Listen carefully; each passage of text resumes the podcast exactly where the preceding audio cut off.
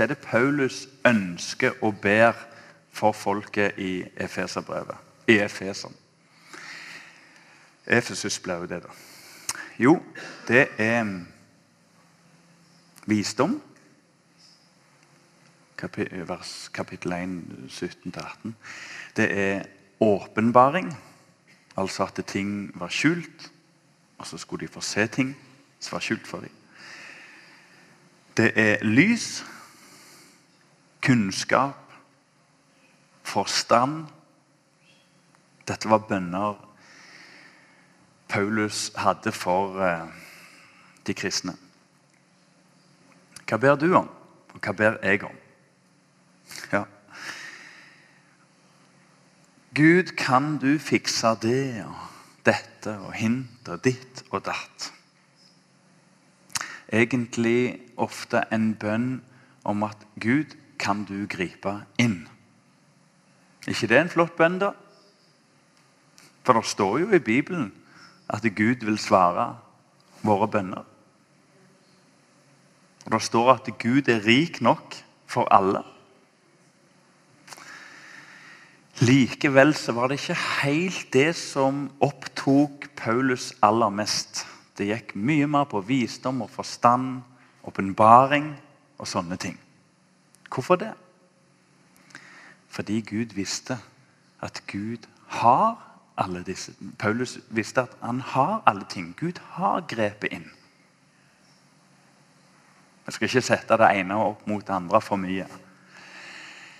Men Paulus i Efeserbrevet konkluderer med at alt har du i Jesus Kristus. Så Paulus er egentlig ikke så veldig opptatt av hva du kan få i dag og i morgen, og alt det som er så vanskelig, som ikke gikk opp for deg. Og det sa han og hans apostelbrødre, som vandra i elendighet og motgang. De hadde grunn til å be om at Gud måtte gripe inn. Men jo eldre Paulus blir, jo mer opptatt blir han med det Gud har gjort. Som egentlig gjør at han kan stå opp hver dag. Fordi Gud griper inn ved det han har gjort. Ikke som en løs kanon som stiller opp nå og da. Ok, La oss få to bibelvers. Og Før vi får de opp, så tror jeg vi òg skal be om det. At framfor at Gud nødvendigvis skal løse akkurat det problemet du og jeg har nå, at han heller kan gi oss visdom og åpenbaring og kunnskap og lys og forstand. Herre Jesus, det er akkurat det vi ber om. Amen. Ja, Hvis vi får opp Efeserne kapittel 3 og vers 12 Jeg skal ha to bibelvers aller først nå. I ham der har du igjen. I Kristus. Hele veien i Kristus. I Kristus har vi frimodighet. Og ved troen på ham har vi adgang med tillit. Det betyr at du og jeg kan møte Gud, ikke halvt og lite grann og muligens, men med full frimodighet. Og Jesus gjør det veldig klart at før så kunne de ikke det. Men etter Jesus gjorde alt fullbrakt, så kan vi møte Gud helt og fullt. Akkurat sånn som du er. Så der har du altså om frimodighet.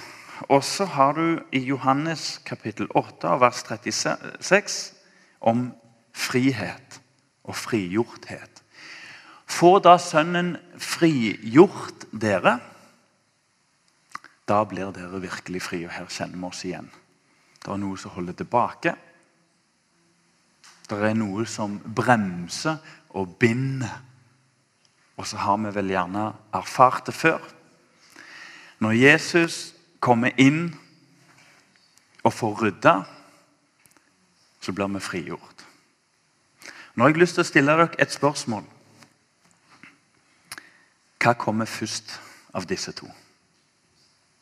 i et kristenliv? Hva kommer først? Før jeg svarer på det, så vil jeg bare si at jo eldre jeg blir Jeg kan jo si det etter jeg blitt 40. Jo eldre jeg blir, så går det mer opp for meg dette her at Jesus I Jesus er jeg satt i frihet til å leve og til å dø. Gode venn, jeg frykter ikke døden. Jo da, jeg frykter dødsprosessen. Jeg håper ikke jeg får for mye smerter. Jeg håper jeg kan være frisk til det siste. Det frykter jeg jo. Men jeg frykter ikke livet etter døden. For jeg er satt fri ifra usikkerheten om det som er bak meg, og frykten for det som ligger foran meg i Jesus. Og dette unner jeg alle mine naboer. Å kunne legge seg hver kveld og si 'Herre Jesus, jeg legger alt i din hånd'. For en frihet, altså. Hva kommer først? Frihet eller frimodighet? Det må jo være frihet. Har vi ikke erfart det i eget liv at den frimodigheten du jager og lengter etter og skulle gjerne hatt, den strander og blir maktesløs, og det svikter? For vi er jo ikke satt fri. Det er noe som binder, og det er noe som låser så voldsomt. Så ser vi det òg i Bibelen. Frihet kommer før frimodighet. Den beste er vel Peter, er det ikke det? Maken til frihet.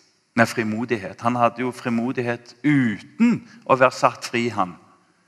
Men til slutt rakna det for han òg, i Getsemane. Tenk på Timoteus. Jo, visst skulle han få være med Paulus på kanskje verdens viktigste misjonsreise.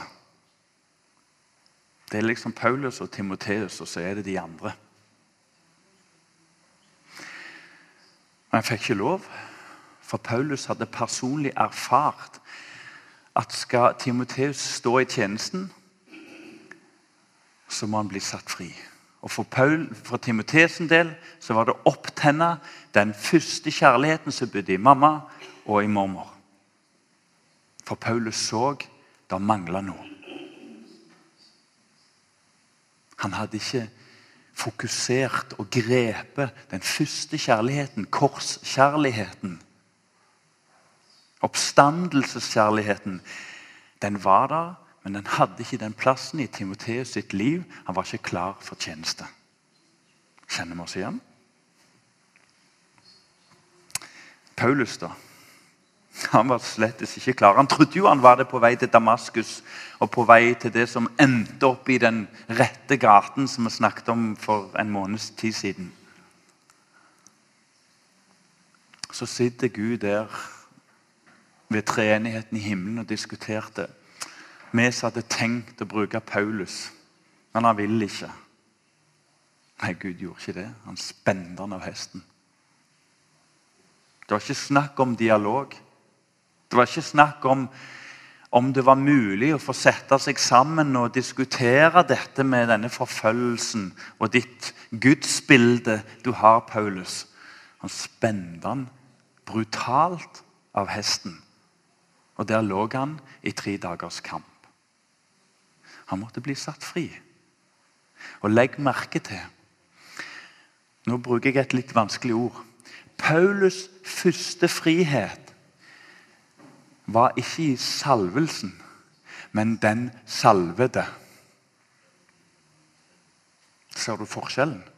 Paulus' første erfaring i den rette gata var ikke at han ble døpt, og hva som skjedde rundt det. Men det var fokuset på den han ble døpt til.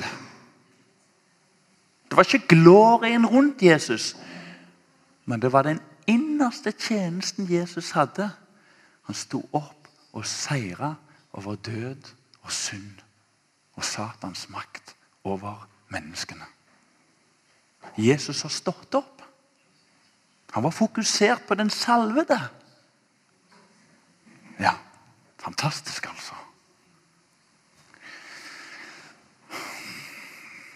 Finnes denne friheten i Norge i dag? Ja, den er under press, leste jeg en plass. Den er under press. Forståelsen av frihet. Fordi at um, Hvis du leser mange biografier Jeg har bare lest bitte litt. Men det sies at hvis du leser biografier av ateistforfattere, ateister og, og, og, forskere som har kommet fram til at uh, det er ingen Gud, så forlot de fleste, sies det, barnetroen i 11-12-årsalderen. Ganske interessant, egentlig. Nå har jeg bare lyst til å si en ting. Du og jeg er ikke kalt til å være mot verden. Preposisjonen er 'i verden'. Du og jeg er ikke kalt til å tenke at bare vi får has på ateistene For lunkenheten i ditt liv er som et stort berg.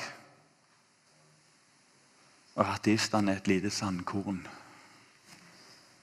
Du sliter ikke med ateister i Norge. Ikke lur deg til det. Men ateismens tankegang får større og større plass. Det skal sies. Og Mange av disse forlot troa i ofte 11-12-årsalderen, forteller de sjøl. Så mye av grunnlaget til å avvise Gud er noe de sjøl forlot som 11-12-åring. Veldig interessant, egentlig.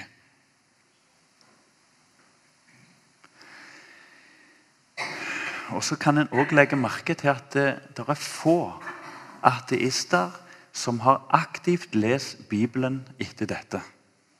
Hva betyr det? Det er grunnlaget for konklusjonen.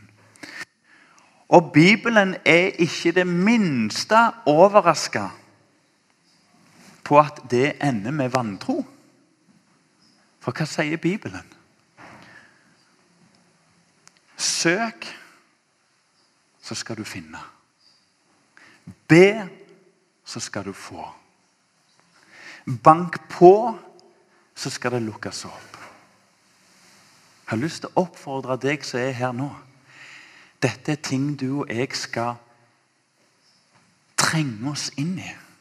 Det er så mange eksempler og bibelvers som sier strid, kjemp, vinn og en ateist som jeg dessverre ikke husker navnet på, som har lovt at han skal si på dommedag Om den kommer, da. There was not enough evidence. There was not enough evidence. Selvfølgelig er det ikke bevis når ikke en trenger på å søke Guds rike. Og så vet vi òg alt dette med et bakteppe av at han søkte oss først. Kjærligheten er jo det. Friheten og forståelsen av friheten under press i Norge. Mye mer enn i andre land. I store deler av verden så er altså friheten friheten fra noe. Det er frihet fra krig, det er mange som vokser opp og vet ikke av annet enn krig. Det er frihet fra sult, trafficking, bunnløs frykt. Så friheten for de fleste mennesker i verden er fra noe. Hvordan står det til her på flaten på Jæren? Det er friheten til noe. Det er altså ikke fra all verdens elendighet. Men det er egentlig friheten, altså en lengt etter en følelse av frihet. Prøv meg nå. Prøv meg om jeg står her og bare vender og snur på ord. Men er det ikke det? Friheten for meg og deg er vunnen av våre foreldre, besteforeldre. Vi må i hvert fall fem-seks generasjoner tilbake. Jeg mener vi òg innom Luther. Friheten er vunnen av noen før oss. Du og jeg jager etter følelsen av frihet. Hva betyr det? Det er vel litt sånn som Janis Joplin hadde det. Hvis noen var ulykkelige, så var det Janis Joplin. Hun ble det i hvert fall. Og Hun er symbolet på verdens tommeste frihet i 1970. Freedom, freedom is just another word of, for nothing left to lose, synger hun jo. Den sangen har du hørt. Frihet, sånn hun så det for seg, var egentlig når ikke du kan miste noen ting mer. For alt er tapt. Samme året død en av de ensomste død som et menneske kan gå inn i. Mobba og latterliggjort og spytta på av sine egne. Det var jaget etter frihet. Frihet må ikke for meg og deg bli et sted eller en ting der en ikke lenger kan tape noe, fordi frihetsjaget har viska ut alle grenser eller alle begrensninger. Bare ikke noe stopper meg. Bare ikke jeg møter en ramme, en vegg som sier stopp. For frihet for meg er jag etter ingen grenser. Du, frihet for en som går og besøker i dag Fokus, det må jo bli et sted du settes i sammenheng. Et sted du limes til noe.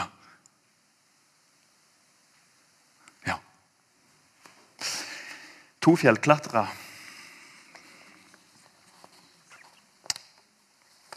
Klatre. Det er jo derfor de er fjellklatrere. Oppover bratt fjell, og de var kommet ganske høyt opp. Og så begynner den ene å leke med tanken Tenk å slippe seg utføre. Jeg sliter ikke med den tanken. Jeg ser Jonas og andre husker jeg var, når Anne Jakob var tre år.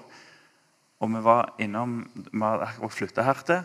Og så hører jeg bare 'Hei, hei', sier han. Og så, eh, og så står han der oppe på toppen av eh, stupebrettet her og bare hopper utfor og lander sånn som så. Jeg sliter ikke med det der å slippe meg utføre. Fjellklatreren tenkte Tenk om vi hadde bare heva oss ut og var fritt. Svevde. Og han andre skulle til å svare. Men hun fikk ikke svart før den ene slapp taket og svevde nedover. Det var jo ikke vanskelig for å skjønne han som klamra seg til karabinen. Ja, han gjorde vel gjerne sånn, da. Det var ikke vanskelig å skjønne at det, det er han andre som er bonden til døden. Jeg håper ikke du er uenig i det. Det er jo han som svever, som egentlig nå er helt bonden til den sikre død. Mens han som klamrer seg, er ikke det han som egentlig er fri? Mm. La oss kikke litt på noen ganske bestemte og praktiske sider ved frihet og frimodighet. For nå har vi brukt litt tid i høst på vårt enkle vis å forklare sider ved det å være i Kristus. Og Hvis det ikke setter seg sist gang, hvis det ikke setter seg, så, så tror jeg at vi får det vanskelig i striden for Guds rike. Sist gang hørte du gjerne noe du ikke likte. Kåre snakket om at egentlig er vår frelse et juridisk En juridisk ting. Det handler om gjeld og oppgjør for gjeld. Tørr teologi, sier gjerne du. Det blir ikke mye tørr teologi når det røyner på i tjenesten. Å ha med det grunnlaget at rettsoppgjøret er egentlig ferdig. For i Kristus så er det ingen dom. Det var fantastisk, altså. Langt utenfor menneskets tanke og idé. Nå i dag håper jeg vi kan se på noen, begynne å se på noen praktiske sider ved friheten og frimodigheten. og Det skal vi gjøre mer også til høsten. Først to bibelvers. Kan vi få opp Galaterne 5 og vers 13? Galaterne 5 er egentlig et frihetsbrev som snakker praktisk om friheten. For dere ble kalt til frihet. Er ikke det flott? Å bli kalt til frihet. Er det sånn du oppfatter ditt kristenliv? At du egentlig skal dras mot alt som er fritt. Det er jo det det står her. Brødre, står der, kalt til frihet. La bare ikke friheten bli et påskudd for kjødet, men tjen hverandre i kjærlighet. Vi skjønner jo hvorfor Paulus er den største forfatteren jorda har sett. Se hvor visdomsfullt han skriver. Se hvor sant han skriver om to ting og fletter de sammen frihet og påskudd for kjødet. Der lever du og jeg mer enn de fleste mennesker i verden. Der lever vi nå. Kan vi få opp eh, første kor 16 og vers 12? Første Korinterbrev 16 og vers 12. Jeg har lov til alt, sier Paulus. Han som bandt seg, han som, han som, på en måte tenkte at lovlydighet er veien. Og så plutselig så har han fått lov til absolutt alt. Men ikke alt gagner. Jeg har lov til alt. Men jeg skal ikke la noe få makt over meg. Maken til sunt og forbilledlig kristenliv, altså. Sånn vil jeg være. Jeg har lov til alt, men det er ikke sikkert det er lurt. Ok. Kanskje det er noen som begynner å bli litt sliten av diverse Luther-sitat. og Nå har de kommet veldig mange i høst. Men eh, tenk at det er en annen, da. Luther strevde med dette med friheten, for han ville så gjerne være en sann og tro tjener.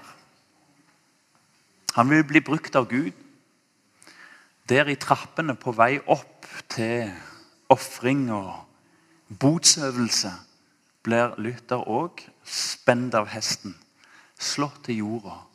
Og så ser han Guds nåde og friheten i Guds nåde. Så må Paulus jobbe videre med dette. Og bis, Biskoper, holdt på å si, kardinaler og paver har allerede hissa seg opp. Og i 1520 kommer det et veldig viktig skriv fra Luther. Og det er midt i vår hverdag. Skrivet heter 'Von der Freiheit eines Christenmenschen'. Dere hører jeg har ikke hatt tysk. Kan vi få opp den teksten hvis du klarte å klemme den inn? Se der. Hør hvordan Luther tenker om frihet nå. Et kristenmenneske er ved troen. Altså der er det det er. Ved troen. En fri herre over alle ting. Det er dette vi skal invitere mennesker til. Komplett fri. Ikke bundet av noen ting. Og ikke underlagt noen. Jeg har bare lyst til å si, Her inne er vi fra forskjellige kirkesamfunn. Bare det er en praktisk side ved det. Her har vi forskjellige bakgrunner. Dette er et evangelisk-luthersk fellesskap. Det betyr ikke at du må gå og bøye deg for alt som Norsk Luthersk Misjonssamband står for. For det er ikke det som er din herre. Det er Gud som er din herre. For meg som pastor så er det viktig å synliggjøre at det står vi der. Sånn at det ikke blir på en måte et sånt fellesskap der alle kan på en måte Vi må ha liksom noe å orientere oss ut ifra. Det er veldig fristende å imøtegå alle på alt. Har vi lyst på kaos og krangel, så skal vi gjøre det. Men samtidig så flott å møtes som brødre. Fri i både form og farge. Og et langt, langt stykke på vei i teologi. Så får vi heller sette oss sammen og diskutere derifra. Luther hadde smakt denne bondenheten. Ja, han smakte han fysisk òg. Og ikke underlagt noen, men samtidig ved kjærligheten en tjener som har alle og enhver undergitt. Undergitt eller underlagt. Ja, unnskyld. Ja. Så med andre ord å være en kristen er å være komplett fri og alles tjener. Tenk den forskjellen hvis du og jeg fulgte det her. Totalt ubonden av samfunn, av slekt, av religiøsitet. Og samtidig servant. Bob Dylan han har sett noe mange tror han ikke har sett. You gotta serve somebody. Mm, you gotta serve somebody, synger han. Igjen og igjen og igjen. Og det er kun det den sangen handler om. Lykken er å være fri, og være fri til å tjene noen. Hvis vi tar noen kjappe gjennomgåinger Hvis vi får punkt én Frihet altså i samlivet, f.eks. Ekteskapet, familielivet og alt det der greiene der. Frihet i samliv. Tenk på tallet entall og flertall nå. Hva tenker du om kjæreste? Ikke det er flott å få en kjæreste? Hva tenker du om kjærester? Det er jo fra lykke til katastrofe. Er det ikke det? Mm. Når du har fått deg en kjæreste, så er du lykkelig. Når du er involvert med kjærester, så lever du ikke under frihetens lov. Hva lever du under da? Syndens og dødens lov, skriver romerbrevet. Det er jo ulykke. Bare en liten forskjell, men det er ulykke. Frihet og friheter.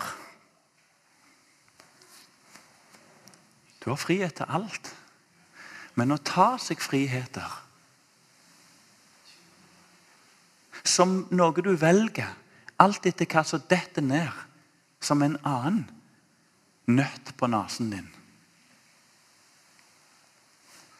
Det går ifra å leve et målretta kristenliv til å være i bunn og grunn ubrukelig.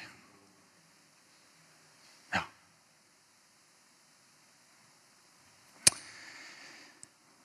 Hvis vi tar ordet arbeid Ja, jeg får snakke for min del. Og du står i din arbeidssituasjon. Og komplisert er det. Vigdis var veldig tydelig når vi skulle starte opp, at her er det ikke plass til svart arbeid. Det er min hverdag. Hvis du tror at da har du sagt alt om økonomi i et firma, så har du ikke det. For det er så mange skjæringspunkter, plasseringer Jeg forstår meg ikke på det. Det er jo balanse, og det er overføringer, det er overskudd, og personlig foretak eller et AS, aksjeselskap, så kan du gjøre sånn og sånn og sånn, og hele verden åpner seg. Og Satan følger med på lasset. Så sa vi nei til svart arbeid. Sa nei til grått arbeid. Og så har det satt oss i en utrolig fri, frihet, altså. En utrolig frihet. For det er nesten ingen som spør lenger. Og hvis de spør, så er de så enige etterpå, når jeg presenterer standardtalen min. Jeg prøver ikke å sette folk på plass. At etterpå betaler de mer enn noen andre. For det må jo være i orden, og det er jo forsikringer inne i bildet. og tenk om noen, og det kommer jo sertifikater på hus. Oi, oi, oi, oi. Jo, her må vi betale. Helst dobbelt moms. En utrolig velsignelse å være tydelig med en gang. Og så lever jeg i den spenningen som gjør at tar du det valget, så fører det med seg nye valg i økonomi og jobb. Der står jeg, og så står du i din utfordring. Når friheten kan bli lykke og elendighet. Hva med økonomi, da? I Bibelen så står det et frihetsbrev til oss som heter Førstegrøden. Tenk når du og jeg slutter å lure oss sjøl. Og istedenfor å si at inn, i, i, i, i, dag eller nå eller sånn situasjonen er, vi bygger på huset eller vi, vi har det litt vanskelig, vi har bare én jobb nå Så akkurat nå Men sånn tenker ikke Bibelen. Bibelen tenker førstegrøten. Så sitter du igjen med grassat mye til slutt. Og så mangler en ingenting. Ja. Hvorfor får Satan hviske inn i ørene på oss at det akkurat nå passer det ikke? Hvorfor får han lov? Hvorfor skal vi ikke la oss sette oss i frihet? Ja, fantastisk, altså tilgivelse. Nelson Mandela, hva sier han? Jo, når han ble, kom ut av fengsel og ble intervjua, så sier han en ting. Hvis jeg ikke legger igjen hatet og bitterheten i det fengselet, så sitter jeg i fengsel livet ut, sier han.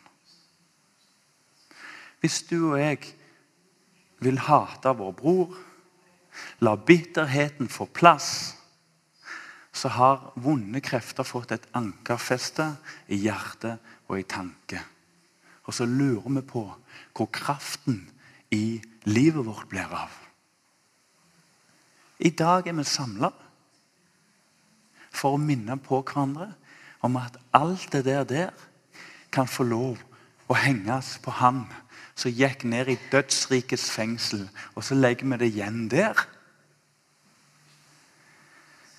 Og så får vi stå opp med Kristus i frihet for alt det andre mennesker har gjort mot deg. Og så binder det oss ikke lenger. Vet du hva?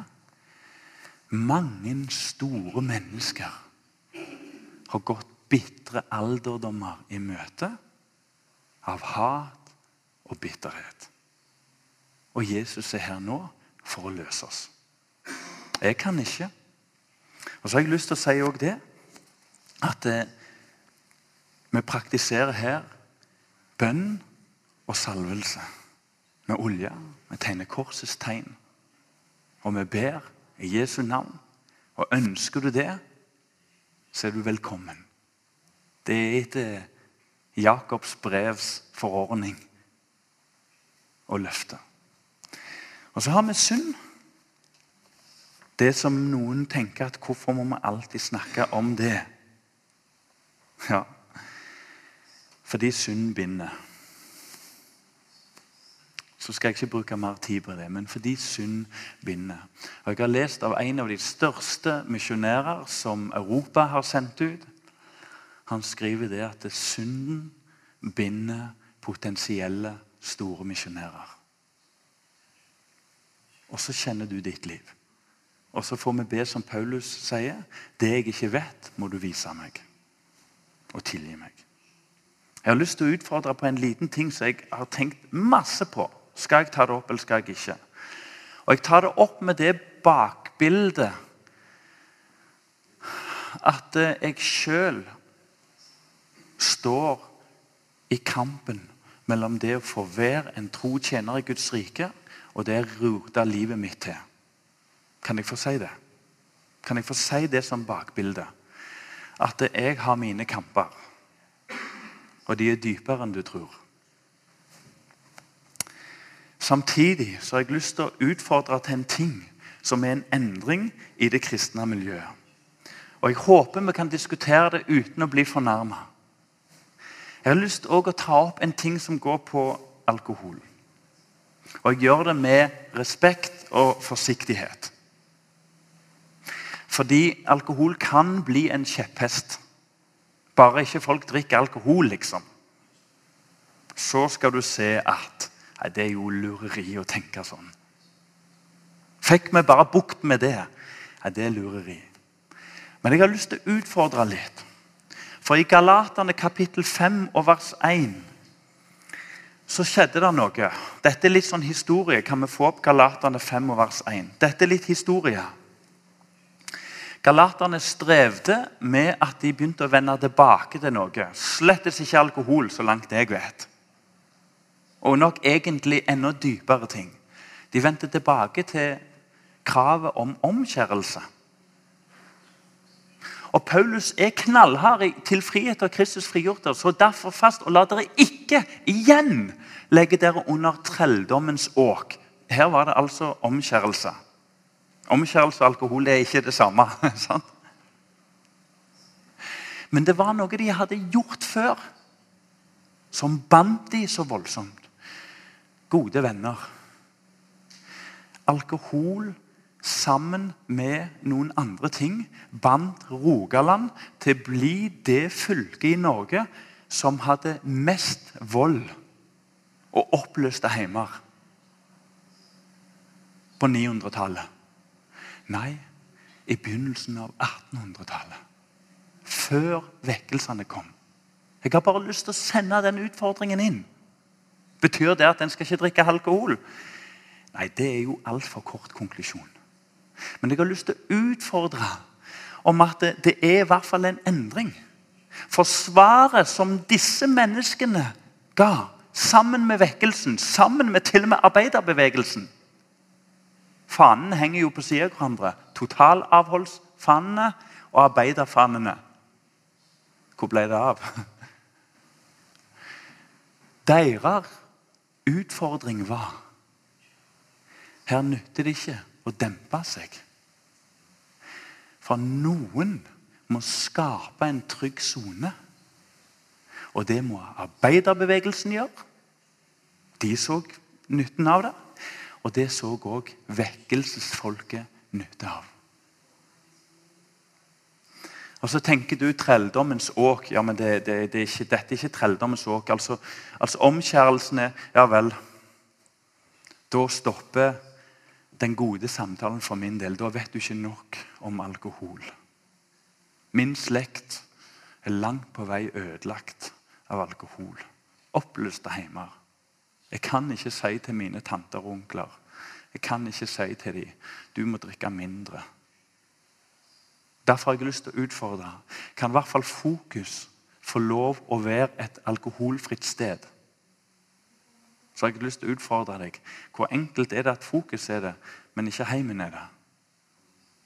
Kan fokus få være et alkoholfritt sted? Søsteren min bor på Roaldsøy og fikk klar beskjed fra ei blåkorsdame. De hadde vært i kontakt med en der som er blitt frelst. Og De tok kontakt med Blå Kors for å få råd og veiledning. Hvordan går vi videre nå? Og Så spør ei dame hva kan vi gjøre for han. Så svarer hun i Blå Kors. Jeg vil snu spørsmålet drikker du alkohol. Ja, hun gjorde det. Ja, uff, unnskyld, nå fordummer jeg henne. Ja, hun gjorde det.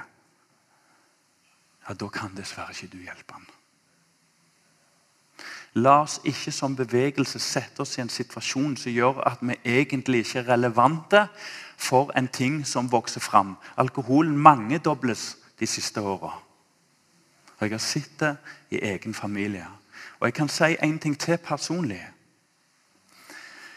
Jeg kjenner meg sjøl. Jeg utsetter meg for stress og press. Jeg er en potensiell alkoholiker. Så mye vet jeg om meg sjøl.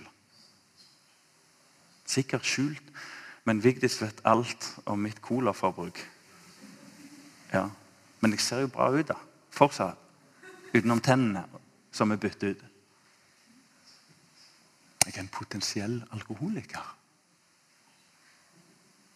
Kanskje du ble fornærma nå?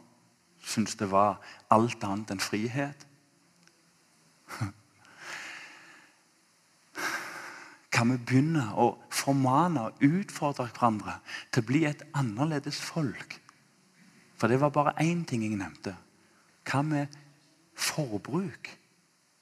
Hæ? Hva med forbruk?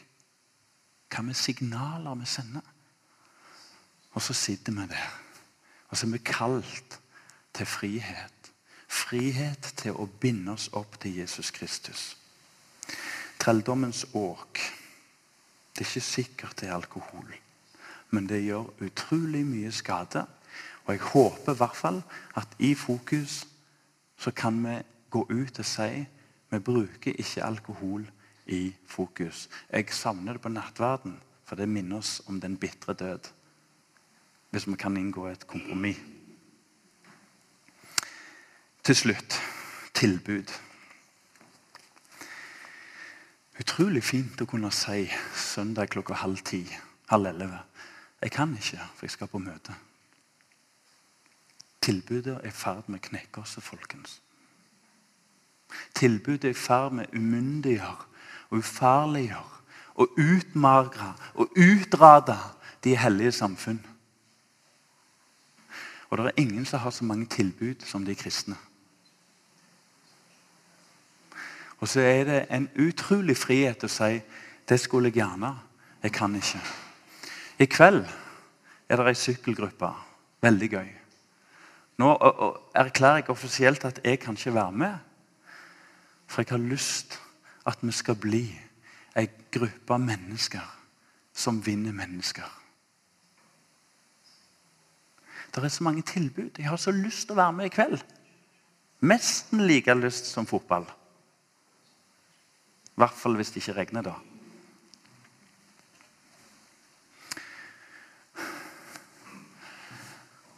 Jeg har erfart at hvis jeg skal få være med og vinne mennesker, så får det konsekvenser i mitt liv. Og når du tar det valget Da ringte en kar til meg i går. går Aslak, vil du være med ut i morgen kveld? Så inviterer vi en kar. For en frihet å kunne si jeg kan ikke, for i morgen kveld så skal jeg ut sammen med en kar. Og jeg tror det er viktig å være med. Noen tror at du har vært på prekestolen. Så har du vært der. De har helt rett. Trenger du dra flere ganger? Kanskje. Trenger du dra hver dag? Nei, gjør ikke det. Da er det noe annet som drar deg. Luther skriver når folk har hørt evangeliet tre ganger, tror de at de kan det. Jeg har lyst til å utfordre deg på en ting. Hvis du kommer til møte i frihetens tro pga. sosiale ting, pga. fellesskapsting, pga. tjeneste, så kommer du rett. Men hvis du mister at du kommer Først og fremst for å se inn i den, Unnskyld, det heter begrepet eh, Se inn i frihetens fullkomne lov. Skue, står der. Skue inn i frihetens fullkomne lov. Vi detter jo av. Hvis du tenker om dette møtet som Prekestolen Jeg har hørt det, jeg har skjønt det, jeg vet det, så har du ikke skjønt det. For det må minnes og vekkes opp og fødes og behandles hele veien. Hvis jeg lærer mine unger at du går på møte så lenge det er gøy, så går det galt. Jeg ønsker ungdomsledere som først og fremst viser vei inn i menighetslivet. Den kan du tygge på. Vi har jo en eldst med. Vi sliter med å få han med. Jeg gleder meg over at han går i UF. Men det kommer en dag UF ikke er gøy lenger. Da står menigheten der og venter, og vi sover. Vi trenger ungdomsledere som viser vei inn i menigheten. Noe som er større enn seg sjøl og den gruppa du går i. Så har jeg lyst til å spørre deg et kjempeviktig spørsmål. Hva er den nye veien for fokus? Jeg har ikke spurt styret om det, så nå hiver jeg det ut. Hva er den nye veien for fokus? Få orden på økonomi? Få mer trykk på smågrupper? Det er mye vi kan ta tak i. får jeg bestemme, så er den nye veien at du og jeg som går her, sitter i den situasjonen at vi kommer her til og finner ut jeg må stå, for mine gjester må få sitte. Der er den nye veien til fokus. Jeg velger å sitte ute i gangen, for jeg vil så gjerne at han skal få sitte på en stol, for det er sprengfullt. Det er den nye veien for fokus. Så sier du gjerne ja, men jeg kan ikke invitere mennesker inn i fokus. Jeg har kjent på det sjøl. Men jeg kan skuffe deg og si den dagen kommer aldri. Det er du som er veien inn i fokus. Det er du som er grunnlaget for at folk går i fokus. Det er ikke de andre. Vi skal være med og dra. Vi skal ta imot. Men du er veien. Min morfar møtte jeg aldri. Han døde, tror jeg, i 70. 69-70. Han heter Per Solberg. Han bodde på Fåreneset i Gjelsa. Nå har jeg skjønt at mor var i den eneste kristne familien på Fåreneset. Jeg trodde alle var kristne. De er bare blitt det. Morfar var kaldt. De lo litt av han når han gikk. Morfar ble dement. Fire år så skulle han på et eller annet greier. De fant han en mil den veien og en mil den veien. Jeg tror også jeg kan si at han slo mormor på slutten. Han var jo sjuk. Han var dement. Morfar var veldig emosjonell. Det sies at når han var ute på fjorden han likte så godt å fiske, så begynte han å grine samme hva vær det var, for det var så flott. Og han grein og han grein, og de andre måtte ro. Så gale var det. Men morfar drev søndagsskole, og vet du hva? Hele lørdagen og klokka fire søndag morgen sto han opp for å forberede han. For en frihet å si 'jeg kan ikke', for i morgen er det søndagsskole. Så kommer mor og forteller til meg sist uke Nå har jeg møtt den tredje personen som har sagt til meg Jeg har tatt imot Jesus. For jeg kunne ikke glemme det Per underviste om på Fåreneset skole.